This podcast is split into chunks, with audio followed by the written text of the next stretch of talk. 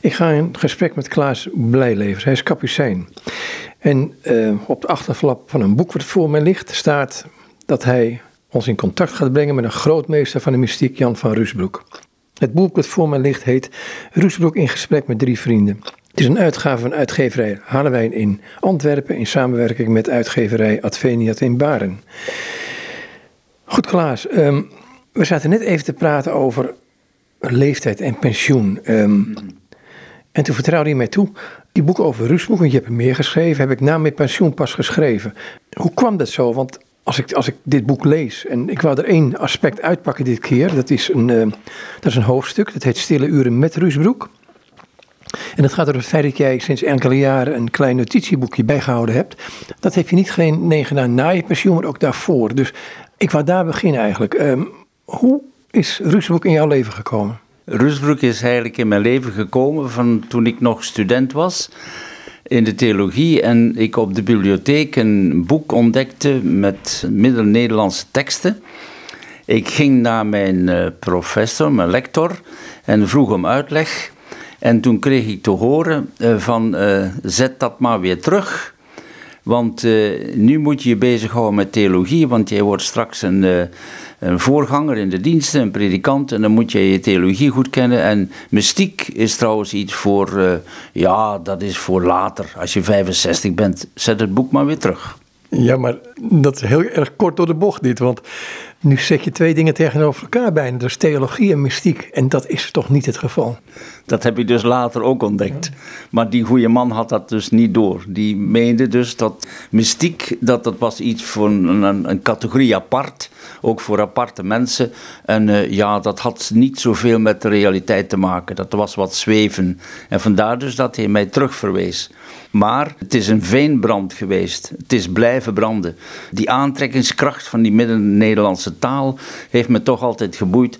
En dan later in mijn leven ben ik op een gegeven moment daar wel op ingegaan. Zeker toen ik het Rusbroek-genootschap in Antwerpen heb leren kennen paters Jezuïten die zich heel uitdrukkelijk hadden bezig gehouden met Rusbroek, die daar ook boeken over geschreven hebben.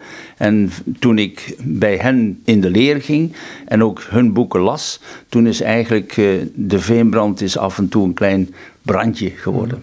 Wat heb je gedaan in je werkzame leven? In mijn werkzame leven heb ik eerst, na mijn uh, priesterwijding, heb ik eerst wat les gegeven op een middelbare school.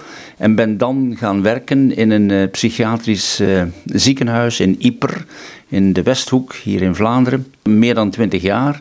En toen al gaf ik in de zomermaanden les over Rusbroek. Hm? En toen hebben die mensen gezegd van, goh, dat moet je uitschrijven, daar moet je een boek van maken. Maar ik heb voor mezelf altijd gedacht: kijk, in de zomermaanden, als het wat minder druk is, eh, dan wil ik eh, wel eh, daarover praten. Aantekeningen wil ik bewaren. De boeken die ik daar eventueel uit voortkomen, die zal ik schrijven na mijn pensioen.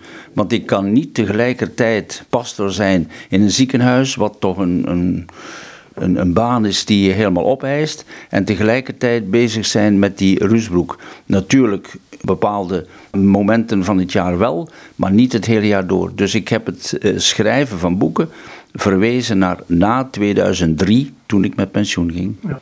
Kun je het eerste stukje, die eerste, want je hebt er een aantal citaten heb je opgenomen. Um, kun je het eerste citaat lezen? Dan heb ik daar al een vraag over jou. De mens die zich meer naar binnen neigt, naar het inspreken van God, dan zich wendt naar buiten, naar de woorden van de mensen, en die graag luistert naar het woord van God om er naar te leven, niet om er kennis mee op te doen. Voor hem is het woord van God het voedsel waarin hij God boven alles maakt.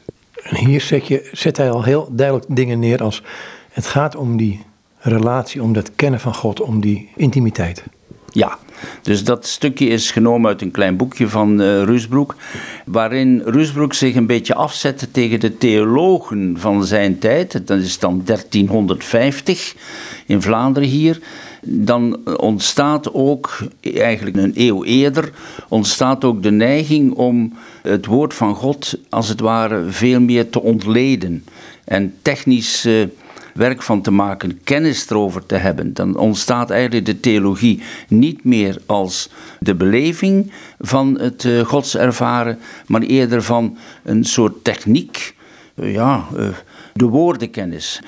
En, vandaar dat hij hier in zijn citaat ook schrijft van die theologen houden zich bezig met de Bijbel, met het woord van God, maar dat zien ze niet als een inspreken van God in hun hart en ook niet als een op, oproep om naar het woord te leven. Het is eigenlijk het meer, om het een beetje technisch te zeggen, het meer filologisch benaderen van de tekst. Wat zegt de tekst? Zonder dat het de weergave is van een beleving, maar puur van de tekst. En die beleving die trok jou aan? Ja, die beleving trok mij aan omdat in die beleving is de plaats van een relatie met God.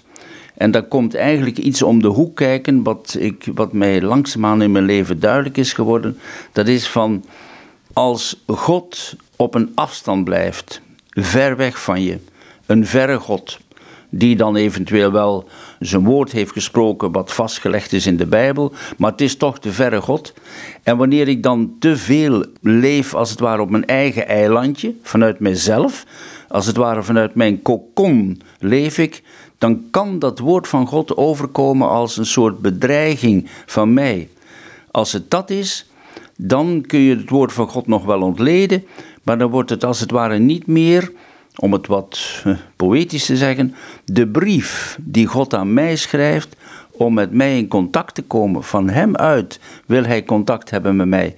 Daarvoor heb ik eigenlijk die basishouding nodig van die God heeft aandacht voor mij en zal mij nooit kleineren, zal mij nooit klein maken. Hij zal als het ware mij ten volle laten openbloeien, juist precies in de relatie met die levende God. Volgens Rusbroek, of, misschien moet ik eerst een andere vraag stellen voor we hierop verder gaan. Uh, die Rusbroek, wat, wat was het voor iemand? Rusbroek was een priester in Brussel. Eigenlijk een kanunnik, dat wil zeggen een priester van een kerk waar dus de diensten werden gehouden, hè, dus de, de diensten en ook de vieringen. En hij was eigenlijk heel zijn leven betrokken bij die kerkgemeenschap als kanunnik. Maar hij had een heel eigen charisma, zou je kunnen zeggen. En dat was dat hij niet alleen eh, de mis vierde en de diensten uh, deed, het getijdengebed las, maar dat hij als het ware ook verstond wat hij mocht lezen en las. dus dat die Bijbel was voor hem iets, iets levends. En daardoor heeft hij een vriendengroep gehad. Wij noemen dat de Vrienden van God. Een soort gespreksgroepje in zijn huis, waar mensen kwamen om met hem als het ware in gesprek te komen van hoe kan ik nu beantwoorden aan die God die zijn brief schrijft naar mij en hoe kan ik daarop antwoorden om als het ware een levend antwoord te zijn op die brief van God. Dat hebben ze met z'n drieën besproken en van daaruit zijn zijn werken ontstaan. Hij heeft een klooster gezicht, wat niet zijn bedoeling was, denk ik. Nee, dat was helemaal niet de bedoeling. Hij, hij woonde dus in het uh, stadscentrum in Brussel zelf. Dat was toen een rumoerig centrum, want de Romaanse koor van de kerk werd afgebroken, want het was de nieuwe tijd, het was de gotiek. Dus dat werd veranderd in, in een gotische uitdrukking. En dat bracht natuurlijk mee dat alle gilden die met bouwwerken te maken hebben, dat die daar volop aan de gang waren op die bouwwerf. Toch heeft hij op een gegeven moment gezegd van ik verkies meer de stilte dan wel het rumoer van de stad. En daardoor is hij op 50-jarige leeftijd in 1343 eh, vertrokken naar het Sonienwoud. Waar nog een kluis stond. En daar is hij naartoe gegaan met enkele vrienden. En dat is langzaamaan een klein kloostergemeenschapje geworden. Ik ga terug naar wat je net zei van die intimiteit met God. Um, hoe belangrijk is daarin, en, en ik kom daarbij het tweede citaat dat je hebt, hoe belangrijk is daarin om een beeld te krijgen van wie God is of wie het beeld van God is? God openbaart zich naar mij toe in de persoon van Jezus. God zelf is, is ongezien, onnoembaar. God, God verdwijnt als het ware uit onze woordwereld. Hè? God is wel in deze wereld aanwezig, maar eh, niet op de manier van het mens zijn. Zo van, je kunt uh, zijn, mijn hand leggen op mijn schouder. Dat niet. Toch heeft die God zich als het ware naar ons toe geopenbaard, al in het Oude Testament, maar helemaal ten volle heeft hij zich als het ware uitgesproken in de persoon van Jezus. Vandaar is het zo belangrijk om uh, de figuur van Jezus vanuit de evangelie, om die als het ware op je te laten inwerken. Te aanvaarden als het woord naar, naar jou toe. En dat heb ik in het tweede citaat dan uitgeschreven. Maar het is ook in zijn en Bernardus zegt het ook al, dat wij zijn geschapen in het beeld van God. En het beeld van God is Christus. Dus dat beeld is behoorlijk verstoord geworden. Ja, ja, ja, ja. Dat is inderdaad wel waar. Hè? Dus een, eh, uit de Bijbel zelf, zowel het Oude Testament als het Nieuwe Testament, uh, moet je eigenlijk concluderen dat uh, wij wel geschapen zijn naar het beeld van God, maar dat, ik, ik noem dat altijd, we zijn een vaas, maar het is krakkelee. daar zitten barsten in. En die barsten, ja, we noemen dat zonde of erfzonde, of hoe je het ook, ook noemen wilt en zo, of fouten en zo. Wij zijn wel het beeld van God, maar het, het komt er niet gaaf uit. Hè? Dus in de loop van de hele historie, van de geschiedenis, dat maakt mij dus Bijbel duidelijk, uh, zijn wij wel een mens naar het beeld van God geschapen, maar het is toch niet helemaal gaaf. Nou, niet helemaal, helemaal niet eigenlijk. helemaal niet. Ja, helemaal niet. Ja, dat is, dat is waar. En dat komt omdat dus in onszelf uh, goede en kwade neigingen zijn. En al naar gelang ik het uh, goede in mijzelf eigen realiseer, hoe dichter ik dat beeld van God van mij benader, maar hoezeer ik mijn kwade neigingen volg, dan zit ik helemaal op de egoïstische toer, op de eigen kokon, op het zelfbeschikkingsrecht, op, uh, dan maak ik mijzelf als het ware tot God die alle leefregels zelf bepaalt. Kun je die tekst lezen? De tekst luidt als volgt. Hij heeft zijn armen wijd open gedaan. Het gaat over Jezus in, de, in, de, in zijn kruisdood. Hè? Hij heeft zijn armen wijd open gedaan. Hij wil ons omhelzen en in zijn armen sluiten. Hij heeft zijn zijde, zijn hart wijd geopend. Hij wil ons herbergen, opdat wij in hem wonen in vrede en zonder vrees. Hij heeft op het kruis zijn hoofd naar ons geneigd om ons een kus te geven en ons met Hem te verenigen in eeuwigheid. Hij gaf ons zichzelf in het heilige sacrament, zijn vlees en bloed, zijn ziel en zijn leven, zijn geest en zijn godheid. Waarom heb je deze tekst opgenomen in jouw eh, notitieboekje? Ik heb dat opgenomen omdat uh, deze tekst mij eigenlijk het diepere laat eh, aanvoelen van het hele kruisgebeuren op Goede Vrijdag, in de Goede Week en zo, overwegen wij het lijden van Christus. En wij blijven meestal in onze teksten wat staan bij het uh, bloederige, bij het lijden, bij wat Christus allemaal heeft afgezien en zo. In deze tekst gaat daar helemaal aan voorbij, zou je zeggen. Daar gaat het eigenlijk alleen over die Jezus die zijn armen wijd open, open doet om ons te omhelzen. En wiens hart eh, door de speer is geopend, maar dan is het dan het open hart geworden waarin ik mij kan herbergen. En zijn hoofd, dat is dan, zijn, hij wil ons uh, een kus geven, hij wil ons omarmen. En als we deze tekst, als je die zo leest, dan zeg je, hoe komt Ruusbroek eraan om de figuur van Jezus op het moment van zijn kruisdood zo te tekenen? En dat is omdat hij Bernardus van Clairvaux heeft gelezen. En Bernardus van Clairvaux niet blijft stilstaan bij de lijdende, bloedige Jezus op het kruis, maar eigenlijk laat aanvoelen dat het kruisgebeuren, dat dat de hoogste uiting is van de liefde die Jezus heeft naar ons toe. Hm? Waar de vijanden, noem het dan de overheden of de fariseeën of zo, waar de vijanden als het ware Jezus wil uitkrassen uit deze wereld. Ze moeten hem niet, want hij schopt tegen hun schenen. Hij, hij volgens hen, hij vertekent het uh, grote beeld van Israël. Hè. Daar maakt hij zelf dit teken van het uitkrassen, het uiteindelijk de dood sterven aan een kruis, daar maakt hij zelf het hoogste teken van zijn liefde. Want niemand heeft grotere liefde dan degene die zijn leven geeft voor zijn vrienden. Dan noemt Rus ook op een gegeven moment noemt dit ook het uitvloeien van God naar ons. Ja, dus Jezus vloeit naar ons uit, opdat we ons zouden keren naar Hem. God heeft ons gemaakt naar zijn beeld en we zijn dus een afbeelding van God. Die werkelijkheid is constant aanwezig in het diepste van onszelf, hoewel we ons dat niet altijd zo ervaren. Want vaak hebben wij het besef dat God ver weg is en dat we op onszelf bestaan, los van die relatie met God. Geschapen door God wil zeggen permanent in het bestaan gehouden worden door zijn onhoorbare levensadem en onzichtbare hand die ons in het leven ondersteunt. En zo vloeit door Jezus heen de liefdesaandacht van God, God de Vader, naar ons toe. Jezus laat zien in heel zijn leven, in zijn prediking en in zijn daden, zeker in die laatste week van zijn leven, laat zien wat een boontje God voor ons heeft hoezeer God ons bemint. Hij laat het concreet als mens zien. En dan gaat het om die minnen gaat het. En die, die, die, die um, nou wederzijdsheid is, is niet het goede woord denk ik. Mm. Ehm, dat, wat ik erin proef is, hij geeft zich aan ons, zodat wij ons aan hem kunnen geven. Maar gaat het over overgave. Dat gaat over overgave, ja, uiteindelijk wel. En dan is de eerste overgave is van God uit. Hè? Je moet eigenlijk zeggen, God is niet in zijn hemel gebleven. Is niet op zijn troon blijven zitten. God is niet op zichzelf gebleven. Hè? God heeft zich getoond hè, naar, naar, buiten. Hè? In het Latijn noemen ze dat uh, intra en extra.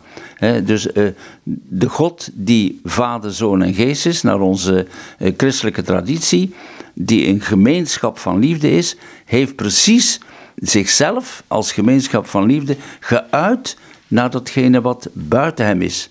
En het eerste is dan dat hij ons geschapen heeft. De schepping is als het ware de liefdesdaad van God uit naar ons toe. Hij heeft ons gemaakt, maar wel naar zijn beeld en gelijkenis. Dat wil zeggen, hij heeft ons eh, gemaakt niet opdat wij nog op onszelf zouden boeren en zelf zouden eh, ons leven bepalen en zelf de hele zaak zouden inrichten zoals wij het willen, maar heeft ons eh, geschapen als een liefdespartner. Dus als, als degene die hem zouden liefhebben. Je zou haast mogen zeggen, God, die natuurlijk ten volle volkomen is en, en, en de liefde zelf is, die heeft toch er nood aan dat hij bemind wordt. Die heeft er nood aan dat hij mag ervaren dat zijn liefde overkomt, dat zijn liefde aanvaard wordt, dat zijn liefde ergens in mensen gestalte krijgt, zodat die mens als het ware tot het besef komt van ik heb mezelf niet gemaakt, ik ben niet op mezelf, eh, maar ik ben een, een gegeven geboren uit God, ik ben gemaakt door God en mijn hoogste ideaal bereik ik maar als ik zijn liefde beantwoord en een mens word zoals hij mij graag ziet. Nou schrijf jij in je notitieboekje, daar ga ik nog steeds vanuit, schrijf je op een gegeven moment van hij raakt ons aan en het aanraken van hem doet maakt het wij naar hem hongeren. Ja. Ik, was laatst bij iemand op bezoek en die, die zei het anders. Hij zegt, ik zoek niet omdat ik uh, iets probeer te vinden, maar ik ben gevonden en daarom zoek ik. Ja, dat, dat, is, dat is ook juist. Ik denk dat je de beide kunt zeggen. En dat is maar van, vanuit welk standpunt je het bekijkt. Als je het van God uit bekijkt, hè, dan moet je zeggen van hij heeft mij geschapen opdat ik hem zou terugbeminnen.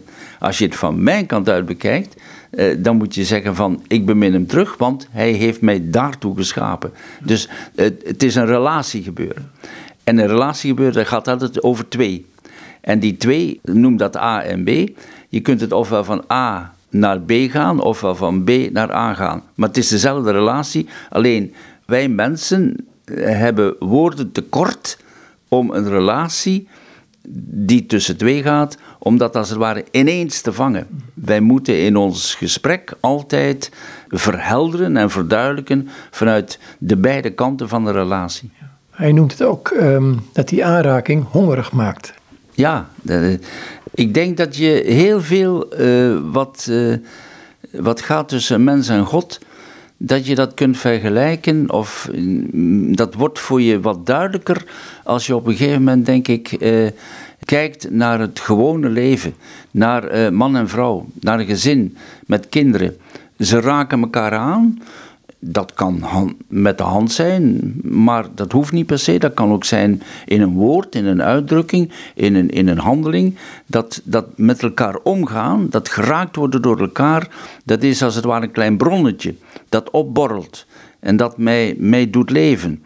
Een kind wat de liefde van vader en moeder ervaart, omdat het kind gewoon een keer lekker eet, kan eten of kan spelen met vader en moeder. Dat kind dat krijgt als het ware in zich een beetje de honger om inderdaad die vader en moeder echt lief te hebben.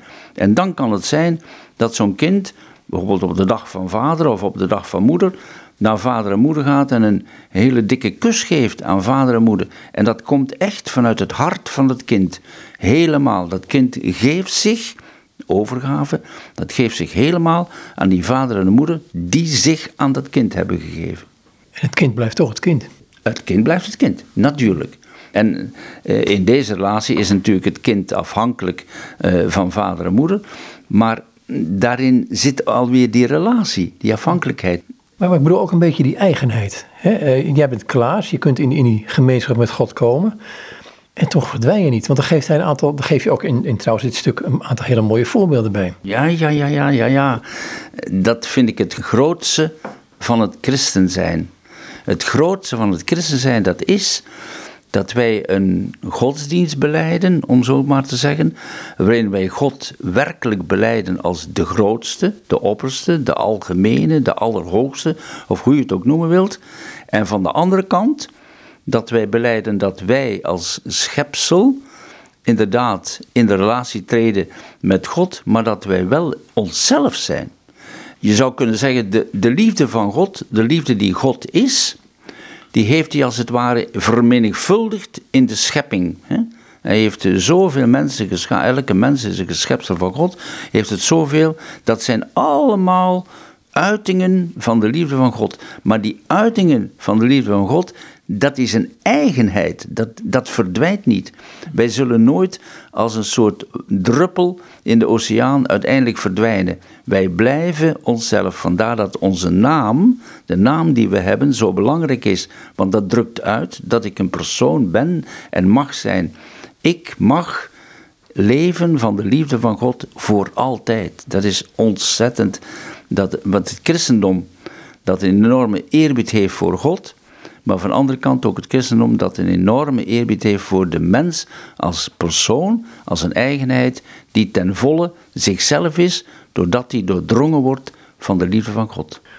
Er zit hier rare tegenstelling in, die ik in jouw notitieboek ook merk van de ene kant, ehm, je komt dichter bij God, is jezelf verliezen eigenlijk. En tegelijkertijd zeg je ergens, nee, het is juist in die ontmoeting met God, in dat uh, samen zijn met God, dat ik helemaal mezelf word. En, en daar citeer je Augustinus in, dat hij is dichter bij mezelf dan ik bij mezelf ben. Maar dan is de andere kant, door het niet toe te laten, is een enorme vervreemding van God niet alleen, maar ook van jezelf. Inderdaad, precies die vervreemding van God wil zeggen, hè, of heeft te maken met het feit van dat ik op mijzelf wil bestaan.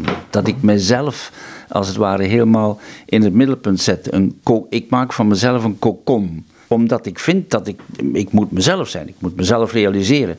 Ik denk dat het ook op de dag van vandaag het grote punt is als het gaat over godsdienst en, en relatie met God en zo. Ik denk dat veel mensen zijn daar wat bang voor om zich te geven aan die God of om zich kerkelijk te bekennen of om op een gegeven moment de schrift te lezen. Waarom? Omdat, denk ik, de huidige mens zo staat op zijn zelfstandigheid, ook op zijn prestatie. Je moet eens kijken naar de tv. Die wordt overladen met zaken van, van sport. Sport is goed, absoluut goed. Er is niets op tegen. Maar het, de verheerlijking van de mens die in de, in de sport zo traagjes of, of, of haast zoetjes binnencijpelt, dat is nu net precies het tegendeel van wat uh, het geloof mij zegt. Ik word pas de mens niet in de zelfverheerlijking, maar in het feit dat ik een transparant stukje mens mag zijn van Gods liefde. Rusbroek die vertelt op een gegeven moment ook dat er ook manieren zijn of houdingen zijn waardoor je het leven van de geest naar de geest, zoals jij dat noemt, kunt ondermijnen. Dus dat je niet echt, en je zegt wel op God gericht te zijn, maar uiteindelijk ben je alleen met jezelf bezig. Ja, ja, natuurlijk. Ik denk dat, dat uh, is, is een... Rusbroek heeft geleefd vanuit de liefde van God. En die ziet om zich heen. Die ziet zijn medekanunniken, die, die, ziet de, de middeleeuwse mensen af van Brussel, de, mensen van de gilde en zo. Die ziet hij dan allemaal. En hij ziet gewoon hoe zij, hoe zij een tegenbeeld vormen tegen datgene wat het evangelie ons, ons meldt over, over God en over Jezus. En vandaar zegt hij van, de mens kan zodanig op zichzelf betrokken leven, dat hij als het ware die band met, met God verliest. Niet natuurlijk de natuurlijke band, het feit dat wij schepsel zijn, zijn wij van, van God afhankelijk, maar de beleving van de realiteit die de mens zelf is, namelijk een schepsel van God. Hij verliest de beleving daar. En doordat hij de beleving verliest, vervreemdt hij van God. Laat hij God als het ware terzijde. Zet hij hem op een, op een ander spoor.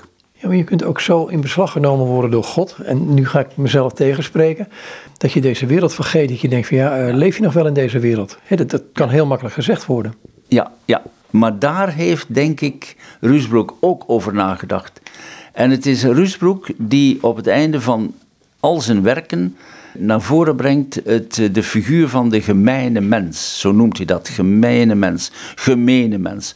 Maar gemeen in de Middel-Nederlandse betekenis. Wij zouden daar nu van zeggen algemeen, gemeenschappelijk. Dus Rusbroek tekent op het einde van al zijn werken de persoon, de gave mens, die het meest beantwoordt aan de liefde van God. En die noemt hij dan gemeene mens. Wat betekent dat? Dat betekent dat deze mens het besef heeft van dat hij niet ehm, op zichzelf leeft, maar dat hij beschikbaar is. Hij is gemeenschappelijk. Hij is er voor de gemeenschap. Hij is een gemeenschapsmens. Hij is betrokken op zijn medemens.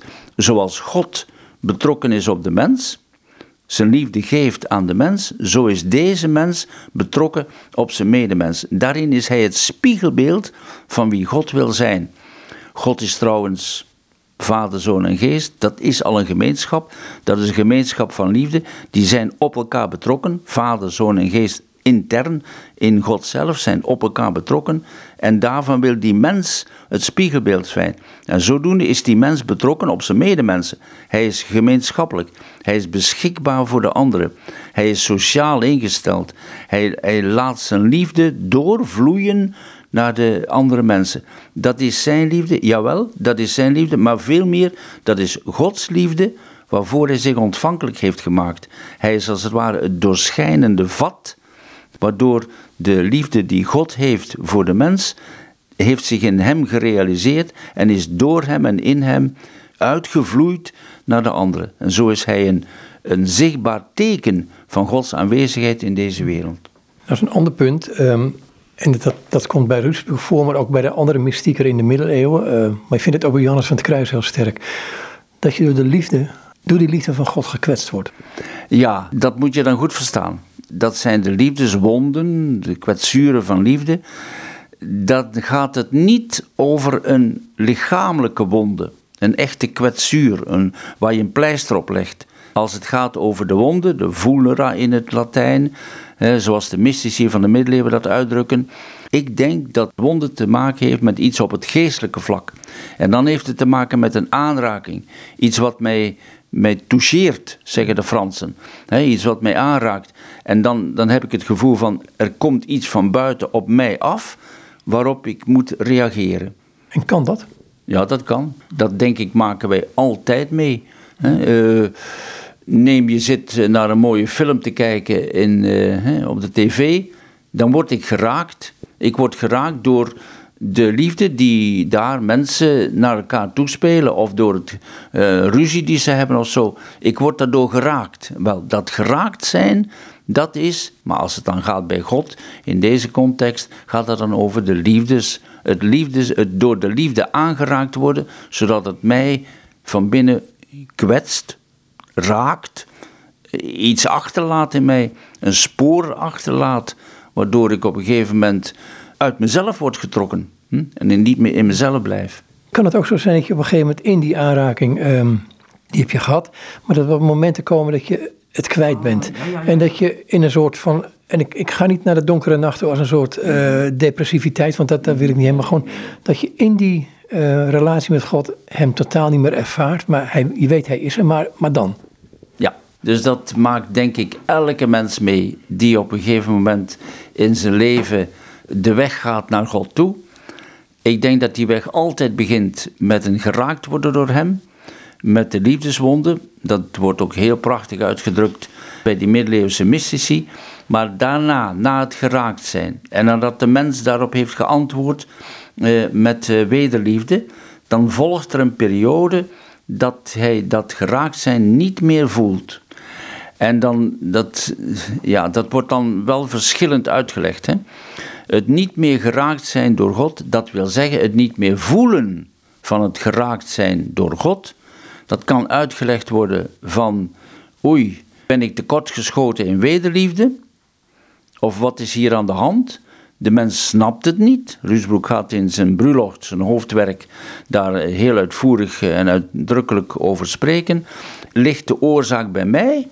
Of waar ligt de oorzaak? En Rusbroek zal dan zeggen: de oorzaak ligt niet bij jou. Het is niet omdat je hem minder lief hebt dat hij zich nu niet meer laat voelen, maar God verbergt zich als het ware. Hij laat zich niet voelen.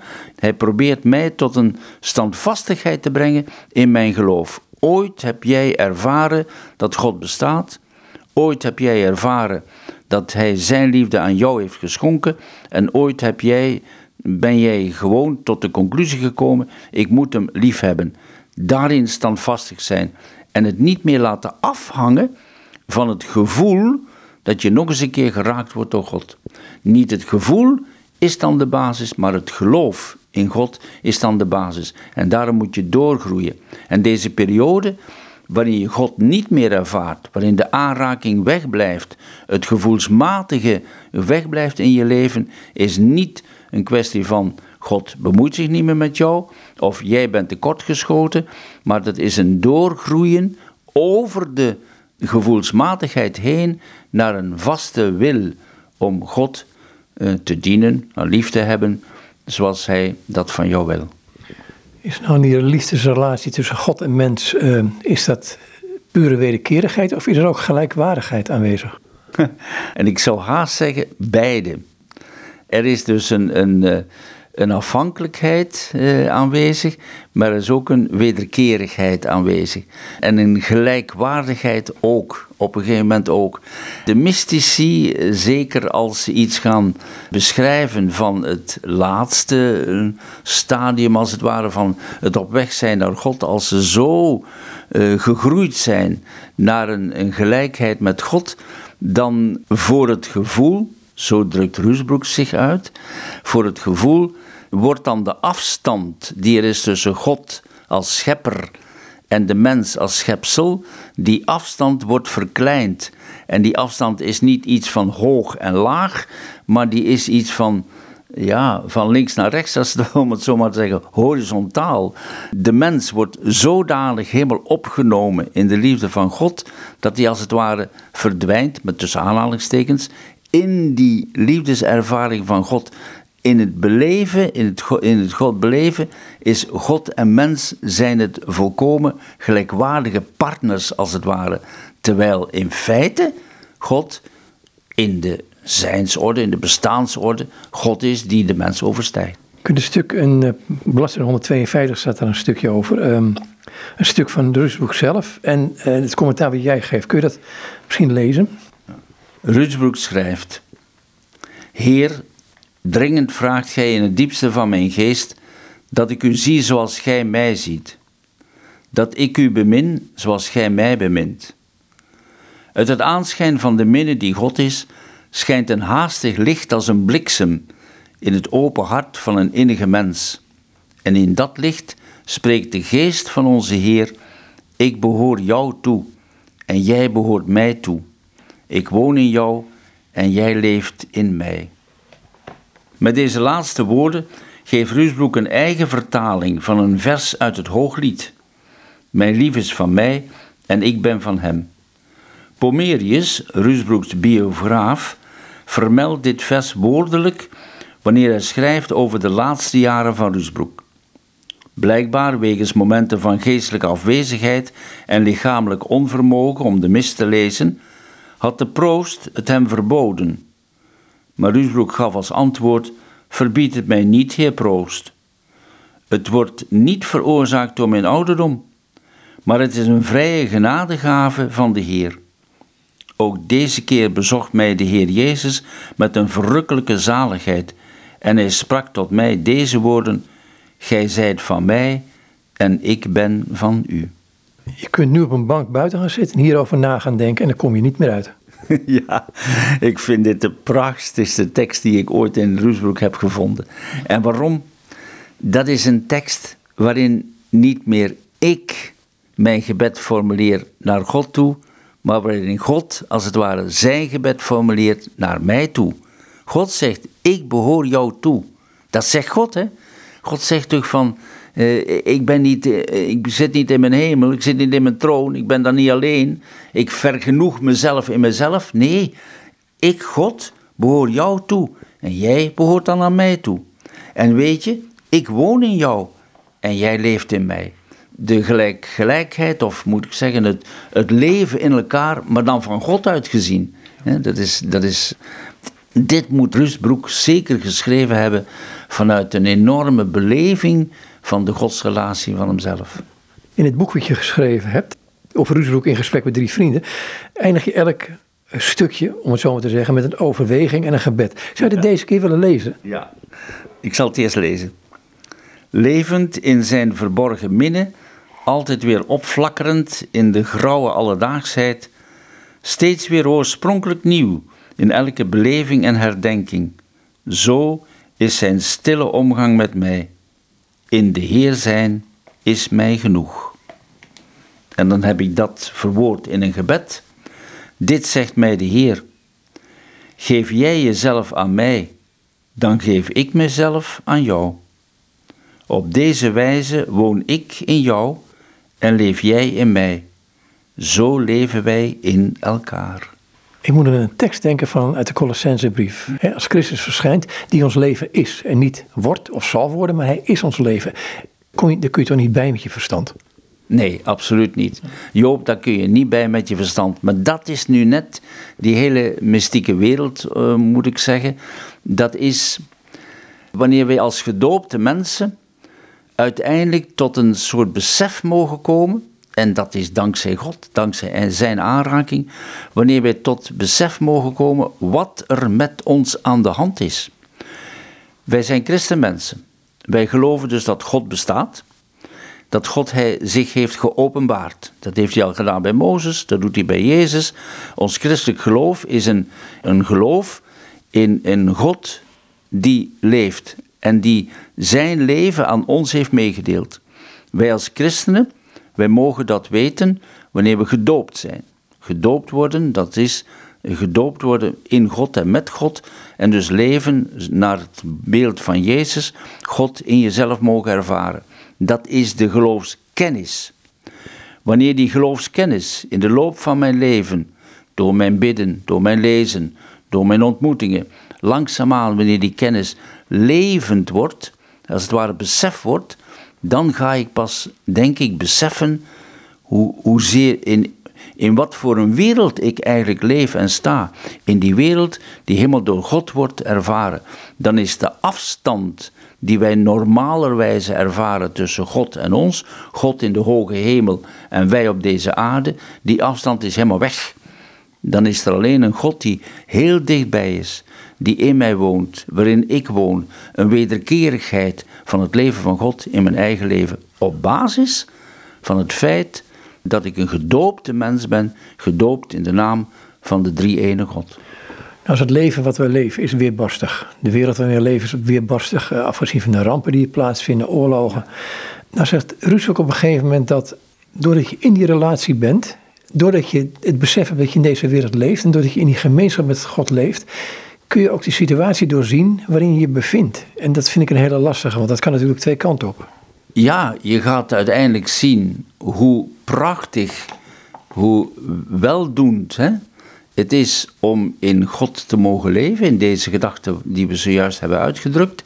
Dat is als het ware de weelde van het leven.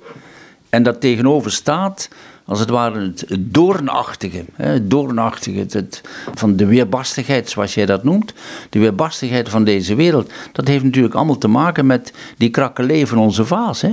Dat heeft te maken met wat de christelijke traditie uitdrukt met het zondebesef, met de erfzonde. Dat, dat wordt al duidelijk in de verhalen, de eerste verhalen van de eerste twaalf hoofdstukken van het boek Genesis. Dus de met de Ark van Noach en, en met de Toren van Babel. Verhalen waarin wordt uitgedrukt dat de werkelijkheid niet is zoals ze zou moeten zijn maar dat die er dwars bovenop staat. En dat is denk ik het spanningsveld waarin ook elke mystieke mens, allez, mens die in de diepte van zijn geloof mag leven, in dat spanningsveld staat. En vandaar dat hij ook een gemeene mens wordt, dat wil zeggen een beschikbare mens, dat die overal in deze wereld waarin die weerbarstigheid zich toont, in, in zieke mensen, in mensen die op een gegeven moment geestelijk verloren lopen, in de wirwar van dit bestaan, eigenlijk een, een mens van liefde wil zijn, als transparant van Gods liefde naar deze mens. Maar ga je dan ook, kun je op een gegeven moment ook gaan doorzien wat er werkelijk gebeurt? Want wij zien vaak het uiterlijk alleen. Ehm, zien vluchtelingen over de grens komen, we zien een heleboel, we zien oorlogen. Ga je dan ook zien hoe je op een goede manier kunt reageren? Want dan moet ik een beetje aan Martha en Maria, Maria denken. Maar goed, dan ga ik weer te veel naar de christelijke kant, denk ik. Ja, je moet natuurlijk allereerst zeggen dat uh, neem die vluchtelingenstroom of neem de oorlog in Oekraïne op dit moment. Dat die mensen die in die situatie zitten, dat zijn mensen die echt in die situatie ten volle beleven. Die zitten in de puree, die zitten in de, in de miserie. Die, die maken dingen mee die niet leuk zijn. Op een gegeven moment zouden ze hun leven verfoeien. En zou het kunnen zijn in de uiterste gevallen dat mensen gewoon zelfmoord plegen. Dat ze zeggen, ik wil, er, ik wil eruit, ik kan dit niet meer hebben, ik, ik, ik, ik ga eraan kapot. Dat is inderdaad zo. Daar tegenover staat dan dat de boodschap van het christendom dan is van allereerst in deze situatie deze mensen helpen. Dan is niet primair meer mijn prachtige gedachte over het geestelijk leven, wat we zojuist, waar, we het zojuist over hebben gehad, dat is allemaal goed. Maar dan is mijn, mijn, mijn leven met God, betekent dan allereerst, help deze mens. Zelfs zo, Joop, dat ook in de middeleeuwen, bijvoorbeeld ook in een boekje van Rusbroek naar voren komt van, dat hij eh, aan Margriet zegt, staat in het andere hoofdstuk. Van, wie, wie is Margriet? Uh, dat is die Clarisse, hè, waar een boekje voor heeft geschreven. En dat was een uh, zieke zuster in haar kloostertje. En uh, die had een brief geschreven, een, een, klein briefje naar Rusbroek. En die zei: Rusbroek, ondanks het feit dat wij hier een monastiek kloostertje zijn, heb ik toch zo vaak dat ik moet, voor mijn zieke medezuster moet komen, dat ik niet naar de mis kan gaan. Is dat niet erg? Rusbroek schrijft terug doe maar, help je medezuster maar in haar ziek zijn en verzuim de mis omwille van het feit dat je voor de medezuster moet instaan. Kijk, daar, daar vind ik, legt Rusbroek de juiste klemtoon. Het gaat niet over dat ik zoveel mogelijk naar de mis ga, of zoveel mogelijk in de Bijbel lees, of zoveel mogelijk geestelijke gedachten heb, of zelfs notitieboekjes aanleg over de mooiste regels die ik ergens vind. Het gaat erom dat ik een mens van liefde ben, concrete mens van liefde ben voor de ander. Je zou haast kunnen zeggen, wanneer er een, een, een vervreemding is, wanneer er een, een, dode is en zo, gaan de mensen met hun bloemen en hun kaarsen naar de plek waar het ongeluk gebeurt. Ah wel, kijk, dat is een uiting van liefde die dan het belangrijkste is. Dan, dan wordt dat concreet. Je had het eerder over God toebehoren. Uh, wat betekent dat? Met toebehoren bedoel ik gewoon dat, dat een mens zich helemaal wendt naar, naar God toe. Dat hij, dat hij aandacht heeft voor het, voor het God. Dat hij niet langs loopt of verwijdert of, of zich niks, te, niks ermee te maken heeft toebehoren wil gewoon zeggen van er is een relatiepatroon waarin ik inderdaad wil leven. Dat wil ik bewaren. Een man en een vrouw die elkaar toebehoren, dat wil gewoon zeggen van ze zijn er voor elkaar. Is in die relatie met God, je hebt het over de minne gehad, de liefde gehad, is het verstand dan uitgeschakeld? Nee, absoluut niet.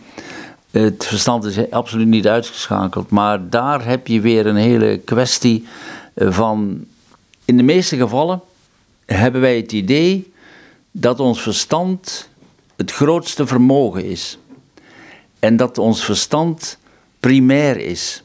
Dat we alles met ons verstand kunnen bevatten. En wat doet het verstand? Dat redeneert, dat analyseert, dat probeert woorden te vinden voor werkelijkheden. Het verstand is dus een vermogen waarmee wij als geestelijke mens in het leven staan. En in de meeste gevallen beschouwt men dat als het hoogste. En daar zit nu precies het verschil. Het verstand heeft ook nog een andere kant. En ik zou dat willen noemen uh, besef. Het eerste wat ik uitdrukte met analyseren en uh, verklaren en zo, dat is op het begrippelijke vlak. Begrip hebben, greep hebben op iets, begrijpen is het woordje zegt het al. Ik heb begrip erover. Maar begrijpen en begrip hebben, dat wil zeggen, het is van mij. Ik heb het in, in regie. Het is van mij. Maar het verstand heeft ook een ander uh, facet en dat noem ik besef. En dat wil eigenlijk zeggen niet meer het grijpen, maar het ontvankelijk zijn. Het ontvankelijk zijn voor een realiteit die hoger is dan mijn verstand. Het, het, als het ware, ik, ik, uh, ik mag het proeven, maar het gaat mijn uitdrukking te boven. Ik smaak iets, ik heb lekker gegeten, maar ik kan niet zeggen wat het is. Maar ik heb wel lekker gegeten. Dat besef van dat wat boven het verwoorden uitsteekt, hè, dat besef, dat heb ik bij God nodig. Want anders, als ik God ga begrijpen in de zin van greep erop hebben, dan maak ik God tot iets wat ik in mijn broekzak kan steken. En dat kan niet. Hij overstijgt mij. Dus God is niet te veroveren, zeg je? Nee, God is niet te veroveren. God is niet te veroveren. Met mijn begrippen, hè, met mijn verstand, is God niet te, eh, niet te veroveren. Vandaar dat men ook altijd spreekt en heel ons geloof over het hart. Hè, het hart en de liefde en de minne. Dat is, dat is een relatieterm. Hm? Begrijpen, dat is, heel de wetenschap doet dat. De wetenschap is het grote terrein van het begrijpen, namelijk oorzaak en gevolg willen weten wat daar gebeurt in die materiële toestanden. Neem de natuurkunde, neem de, de geologie of, of de astronomie of hoe dan ook, of, of heel het leven van ons, ook al als mens, sociologie en economie en zo, dat heeft allemaal te maken met het menselijke en dus met mijn verstand, met het begrijpen, het willen weten wat daar gebeurt. Maar het overstijgt nooit de werkelijkheid. Blijft binnen die eigen werkelijkheid gevangen. Vraagt het om bescheidenheid van onze kant? Ja, ja, zeker. Dat mis ik in deze tijd wel eens. Ja, ja, en dat komt natuurlijk omdat wij in onze tijd, denk ik, maar ik denk dat het van alle tijden is, omdat wij onszelf zo centraal stellen. Wij zijn, wij accapareren heel deze wereld. Hè? Wij veroveren de wereld. Hè? We maken de wereld tot ons centrum. En dat is van de ene kant goed, dat is niet slecht. Maar het is niet het enige. Het is, daarmee houdt het mens zijn of het, het zijn in deze wereld niet op. Heb je het in het, in het dagboekje van jou, dat moeten we een beetje mee eindigen denk ik, heb je het op een gegeven moment over het schouwend leven. Ja. En dan kom je een heel lastig terrein, kom je daar terecht. Ja, dat is natuurlijk een term, schouwen, dat is een term van vroeger. Visioen komt daar vandaan, schouwen, visie, zien. Dat is een term die in de loop van de tijden gegroeid is. Trouwens, bij Ruusbroek sprak hij sprak nog niet over mystiek. Dat doen wij, wij pas, die term is... Ja, want het heeft een hele rare connotatie kan het hebben. Van, en, en, je kunt er heel mistig bij denken, laat ik het zo zeggen. Maar mystiek is in wezen alleen de beleving gaat het over. Mystiek gaat altijd over beleving. Het gaat over, over uh, schouwen, eh, de term schouwen en de term mystiek en zo, dat zijn natuurlijk termen. Wat bedoelen ze daar nu mee? Daar bedoelen ze mee dat je besef krijgt van datgene wat uh, overstijgt wat, wat verder is. Hè. God zien, daar spreken we ook over, God zien. Je kunt God natuurlijk niet zien. Hè. Het is, het, ja, misschien moet ik iets, eerst iets anders zeggen. En dat is dit, dat wij mensen proberen alles wat met God te maken heeft, het goddelijke, proberen we onder woorden te brengen. Dat doet de schrift al. Hè. De schriften, de evangelie doen dat ook. Die proberen het onder woorden te brengen. Maar je moet altijd beseffen dat als het gaat over dat geestelijke, als het gaat over het Eerste Testament of het Tweede Testament of in, in geestelijke teksten, dat wij altijd spreken met menselijke, beperkte woorden. Hm? Ik heb dat wel eens uh, vergeleken met de ruimtevaart. Hè? Ruimtevaart, uh, een raket met stuurmotoren. Ze zitten helemaal in de kop van de raket, daar zitten de astronauten en die gaan naar de maan. Die raket die zorgt dat de zwaartekracht wordt overwonnen. En dan komen ze uiteindelijk buiten de zwaartekracht terecht. Dan hebben ze die raket niet meer nodig. Die worden afgeworpen. En het, uh, de, de capsule met de astronauten, die, uh, die gaan verder richting maan. Mijn woord, richting God, mijn woord is een raket. Dat wil zeggen, in die richting. Daar ergens moet je het zien. Maar mijn woord komt niet meer aan. Dat valt weg.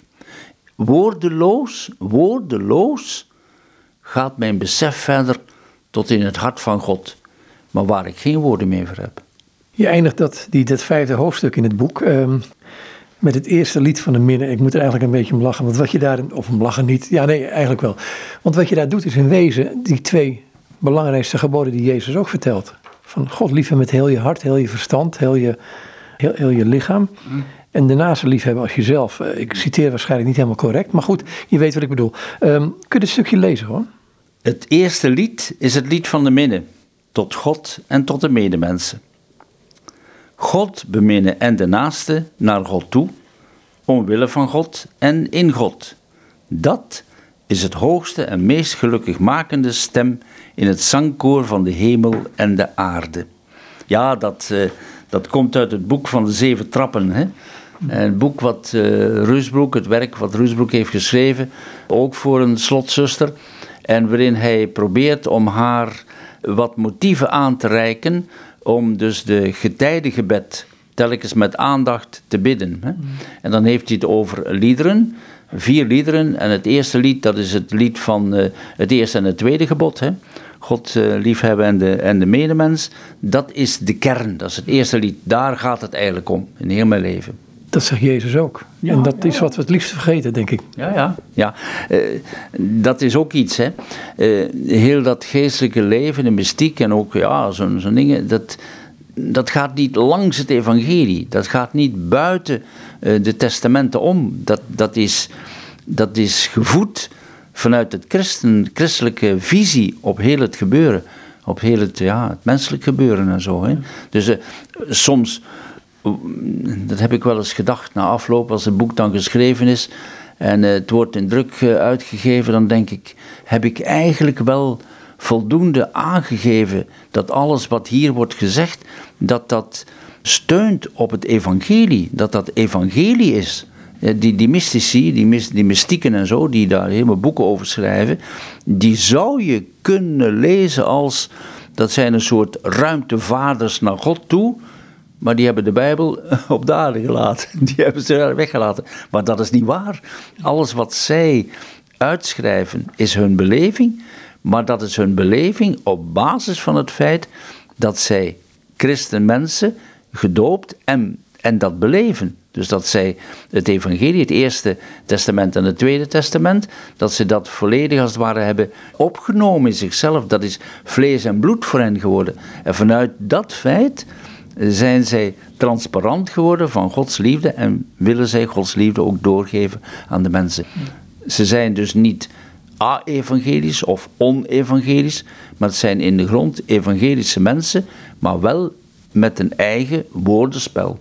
We kunnen weer terug naar het begin van het gesprek, waarin waar je een, een, prachtig citaat hebt gelezen over. Uh, hij heeft zijn armen wijn, wijd open gedaan. Ja. Maar verder op de pagina daarnaast is nog een heel mooi stukje. Misschien kunnen we daarmee eindigen. Wie Christus was en hoe we op, naar hem kunnen kijken. Ja, het stukje luidt al dus. Bemerk hoe Christus zich aan allen wegschonk in oprechte trouw. In zijn verheven bidden vloeide hij innig uit naar zijn Vader voor allen die gered willen worden. Christus was dienstbaar door zijn minne, zijn onderricht, zijn troost, zijn mildheid, zijn barmhartige vergiffenis. Zijn ziel en lijf, zijn leven en sterven, daarmee stond hij iedereen ten dienste, als ook met zijn sacramenten en zijn gaven. Ik heb dat dan zo verwoord, allereerst in een overweging. Ook Christus heeft lijden doorstaan en geleden om jouwentwil en je voorbeeld nagelaten, opdat je in zijn voetstappen zou gaan. Onze zonden heeft hij gedragen in zijn lichaam en op het hout, omdat wij zouden leven voor de gerechtigheid, ontrukt aan de zonde. Na de eerste brief van Petrus. Mijn gebed is dan, leidsman ten leven. Doe mij stil bij u verwijlen en opzien naar uw doorboorde zijde, die kleine opening van uw hart, waar gij mij bergen wilt in de stilte van uw verbondenheid met de Vader, die altijd wellende bron in de rotsholte, die vloeit en vloeit en overvloeit tot behoud van mijn leven. En zo is het maar net, hè? Ja, zo is het, ja. Dat, als ik dat nu weer herlees, ik heb dat misschien ja, jaren geleden uh, genoteerd en opgeschreven. Als ik dat nu weer lees, dan moet ik zeggen, ja, dat, zo beleef ik als ik het evangelie lees. Hè? Dat is de Jezus voor mij. Deze mens die zich helemaal heeft gegeven aan mij en die mij helemaal wil opnemen in zijn leven. En hij doet dat nu wanneer ik de schriften lees, wanneer ik het evangelie bemediteer en wanneer ik de sacramenten mag beleven. Kwartier later, dankjewel. Dankjewel, Joop. En dit is Klaas Blijlevens. En met hem had ik het over één hoofdstukje, één hoofdstuk slechts uit het boek Rusbroek in gesprek met drie vrienden. Het boek is uitgegeven bij uitgeverij Hanewijn in Antwerpen in samenwerking met uitgeverij Adveniat in Baren. Goed, nogmaals dus tot zover dit gesprek met kapitein Klaas Blijlevens.